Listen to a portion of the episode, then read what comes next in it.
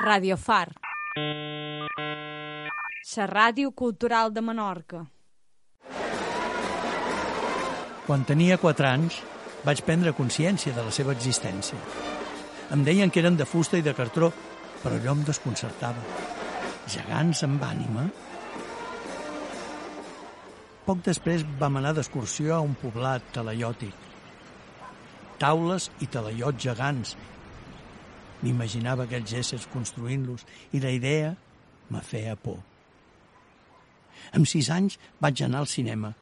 Llavors ho vaig entendre tot. El cinema és gegant. Una mirada a la realitat. Menorca Dog Fest, Festival de Cinema i Fotografia Documental de Menorca. Amb el patrocini de la Fundació Foment de Turisme de Menorca. Benvingudes, som a Radio Far en el Menorca Dog Fest 2021, el teu festival de cinema i fotografia documental de Menorca, que enguany celebra la seva tercera edició. Tenim amb nosaltres Nana Petrus, benvinguda. Hola, què tal, com esteu? Nana Petrus enguany ha vingut a fer de jurat per al Premi Oastra, que és el premi que s'atorga en el millor curtmetratge documental des que s'han presentat. Uh, van arribar una, si no vaig errada, uns cent, un centenar sí, de documentals, dels quals se'n van seleccionar 12 i el jurat, que està conformat per na Montserrat Mangau, Nana Petrus i amb Xavier Marrades, que és el guanyador de l'any passat, aquesta tarda deliberarà i sabrem quin és el, el curtmetratge guanyador. Però avui estem amb Nana Petrus. Qui és Nana? Nana, per qui no la conegui, és cineasta, guionista i directora a l'Aurenca. Els seus curtmetratges, tant documentals com de ficció, han estat seleccionats a festivals nacionals i internacionals. Actualment treballa en la producció del seu del que serà el seu primer llargmetratge, Ulls de gat. També és docent del cinema a la Universitat Oberta de Catalunya, si no vaig errada, i uh, en, a l'escola Àgora. Es diu escola o no?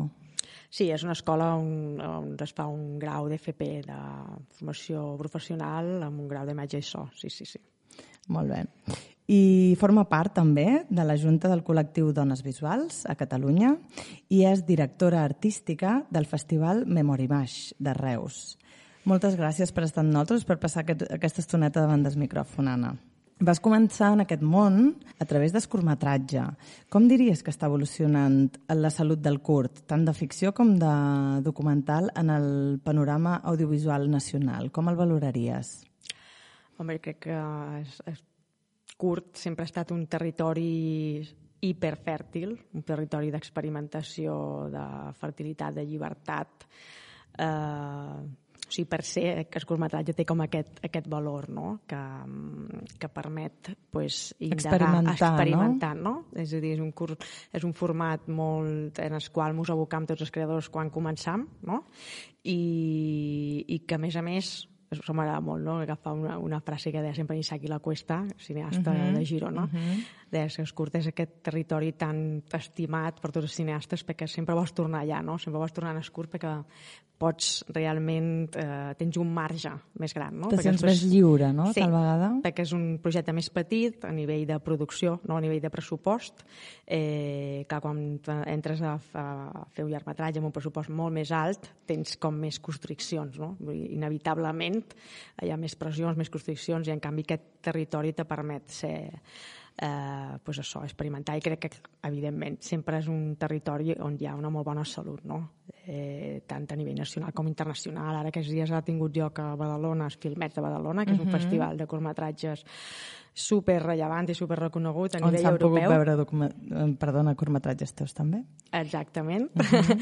I aquest festival que és molt, molt apreciat, no? que més eh, estima els curts. La veritat és que és un, un festival on es posa eh, allò, la fombra roja, la catifa vermella, uh -huh. eh, per el curtmetratge, no? cosa que altres festivals que, evidentment, a lo millor combinen curts llargs, doncs és, no es fa tan específicament per curt, no? I bé, crec que realment és un territori que s'ha de protegir i, bueno, s'ha de protegir, vull dir que sempre serà així, no? I que s'ha de cuidar. I que s'ha de cuidar, exacte. Sí, sí, sí. Formes part de Dones Visuals, com dèiem, que és una associació de dones cineastes de Catalunya que engloba professionals del cinema i de l'audiovisual. Què pretén i quins són els objectius d'aquesta associació per qui no la conegui? Pues, dones visuals, mira, neix d'una inquietud d'unes uh, amigues cineastes uh -huh. que estem fent feina a Catalunya i la constatació de que teníem problemes per aixecar els nostres projectes cinematogràfics eh, per qüestió de gènere no? ja sigui perquè notaven una desconfiança dels productors cap al teu talent o capacitats, no? eh, també per la manca de referents explícits dintre de la indústria, no? Uh -huh. de noms concrets, que n'hi ha, però pocs no? en relació en el nombre, en el nombre de noms eh, masculins que trobam i, i també en relació a les nostres històries, no? històries que Clar. probablement tenien un enfoc molt, molt... bueno, tenen, no? Jo, el meu projecte Usagat té un enfoc clarament i declaradament femení, feminista. Uh -huh. eh, I veure com aquests projectes pues, pues, tenien dificultats, barreres per, per aquest fet. No? no passaven filtres. No passaven filtres. I van decidir... Alguns filtres. Sí, van decidir que alguna cosa s'havia de fer. No?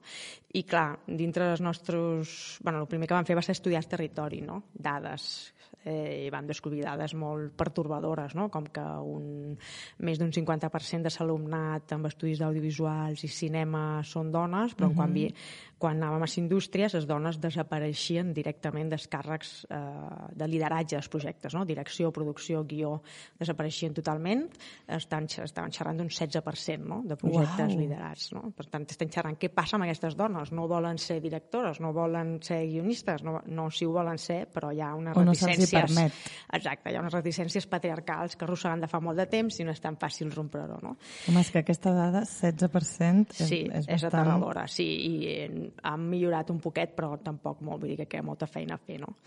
I a partir d'aquí mos van, mos vam, vam estudiar escat suec, Suècia, com sabeu, és, o no sé si ho sabeu, perquè tampoc és tant, tant estudiat ni conegut, però Suècia és l'únic país del món que ha aconseguit la paritat en matèria cinematogràfica, uh -huh. eh, perquè aquest procés d'aquesta transformació el va liderar l'Institut de Cinema Suec, quan Anna Serner, una figura molt concreta, una persona, una dona molt concreta, amb, uns, amb un programa molt concret, uh -huh. eh, va decidir que canviar no? això.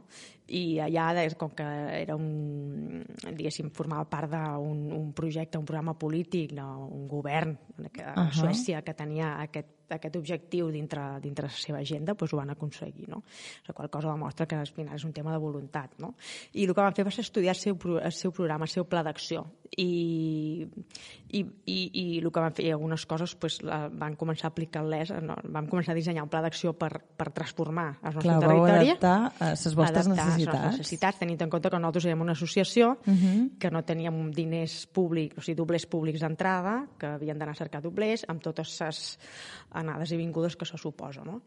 I bé, actualment, clar, nosaltres tenim dos objectius bàsics. Un és fa referència a la paritat efectiva, és uh -huh. a dir, que realment eh, les professionals dones i diverses professionals dones i diverses s'incorporin en el món audiovisual amb normalitat no? i que ocupin càrrecs de poder uh -huh. amb una paritat efectiva i de l'altre tenim un compromís, evidentment, derivat d'aquest altre, que és la transformació imaginari patriarcal. No? Quines històries s'expliquen a la pantalla, com aquestes mos, mos estructuren, mos influencien, influencien el nostre punt de vista, eh, i com inevitablement eh, pues, duim una tradició de històries eh, cinematogràfiques amb una mirada molt patriarcal que hi ha molta feina a fer. No?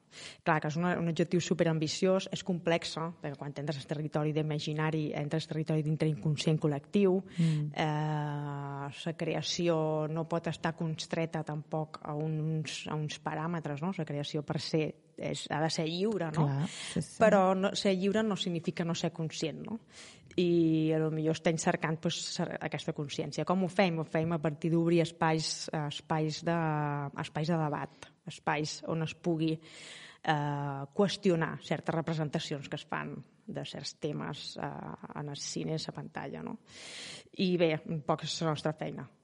Són dues, clar, són dues feines eh, amb un llarg recorregut, però segur que, que prest aneu recollint fruits, perquè de fet amb sa poca eh, temporada, o no sé quants anys són exactament de vida que té Dones Visuals, però ja heu, heu portat a terme bastants, bastantes accions amb resultats eh, bueno, que s'han pogut eh, Uh, palpar. Sí. Exacte, sí, palpar uh, bastant de seguida, no? Sí, tenim, sí, tenim diversos programes, diverses accions concretes, no? que aquestes, com te deia, estaven un pot derivades d'aquest model suec i que estan destinades a coses molt concretes, no? que també això és una cosa que vam aprendre, no? O sigui, clar. de repente vam, ens vam trobar davant d'una cosa molt grossa, no? Tot això que t'explicar és molt gros, sí, sí. i l'única manera realment de canviar una cosa és tenir un pla molt concret amb petits objectius o objectius que siguin um, específics, específics i a part eh, temporalitzats també, no? Clar. No voler arribar uh, no, de 0 a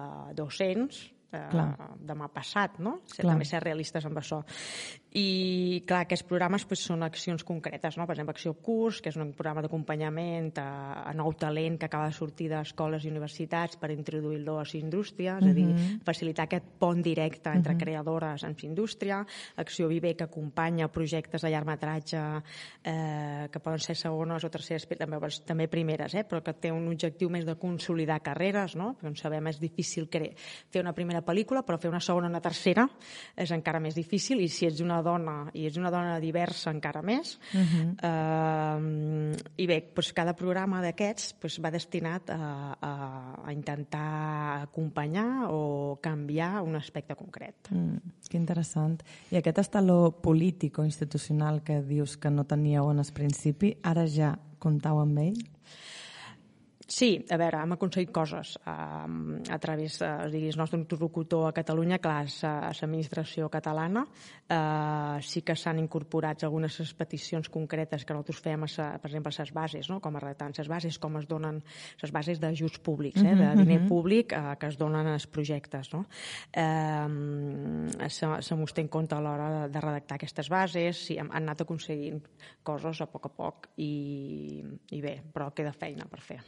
I tant, a poc a poquet. Sí. Vas rebre una menció d'honor dins del palmarès eh, del Premi de Guió Julio Alejandre de l'Esgae, pel guió, com dèiem, de Ulls de Gat, el que serà el teu primer llargmetratge. Què ens pots avançar d'aquest projecte, Anna? Bé, és un projecte que ja fa un temps que estic eh, mastegant. És un projecte, com us comentava, amb una posició molt femenina i feminista. Eh, és història d'una ballarina eh, que bueno, va néixer i créixer en un petit poble de Catalunya, Lleida, eh, però ha desenvolupat la seva carrera a l'estranger, a Alemanya concretament. És una ballarina d'èxit, no? I passa que té una relació amb un ballarí, eh, company de la companyia, i és que era embarassada, no? Eh, clar, aquest embaràs, clar, ella és una ballarina, uh -huh -hmm. tot el que implica pues, la relació amb el cos, fer feina amb el teu cos, què passa amb aquests canvis que provoca l'embaràs eh, i tot el que socialment eh, s'aboca sobre això, no? totes les, eh, diguéssim, tota aquesta mirada patriarcal, aquesta violència patriarcal que, que, que s'ha abocat en el sentit de eh, castigar aquest cos, no? que no pot seguir servint eh, en aquesta, en aquesta feina. No? Uh -huh. I a part d'això, pues, aquesta, aquest embaràs també li permet a ella reconnectar amb certes coses de la infància. No? I és un, una pel·lícula que tracta sobre la violència sobre els cossos de les dones uh -huh. eh, i sobre la superació d'aquest, diguéssim, d'uns traumes d'infantesa. Quines ganes, quines ganes de veure'l. Bueno, eh, esperem que els, els passos que falten perquè es pugui dur a terme el projecte eh, segueixin per bon camí, que de moment és així. Sí, de moment sí, a veure com segueix, però sí, aquesta pel·li la, la faré pròximament, sí. Molt bé. Com a jurat del Premi Astra de curtmetratge documental eh, d'aquest Menorca Doc Fest 2021, com deien, eh, quina valoració en general faries de, dels films que han estat seleccionats? Pues mira, començàvem amb la Montse Margou, amb Armengou. Eh, realment la selecció és, és molt excel·lent, us ho ha posat bastant difícil eh, és una selecció amb un nivell molt alt. Realment jo he estat un plaer veure tots aquests, aquests curs, no? que a vegades eh, no és tan fàcil que t'arribin, no? sinó si no estàs en una situació així. I, i no sé, no sé què passarà a la liberació, però realment crec que està difícil. I felicitats eh, als programadors.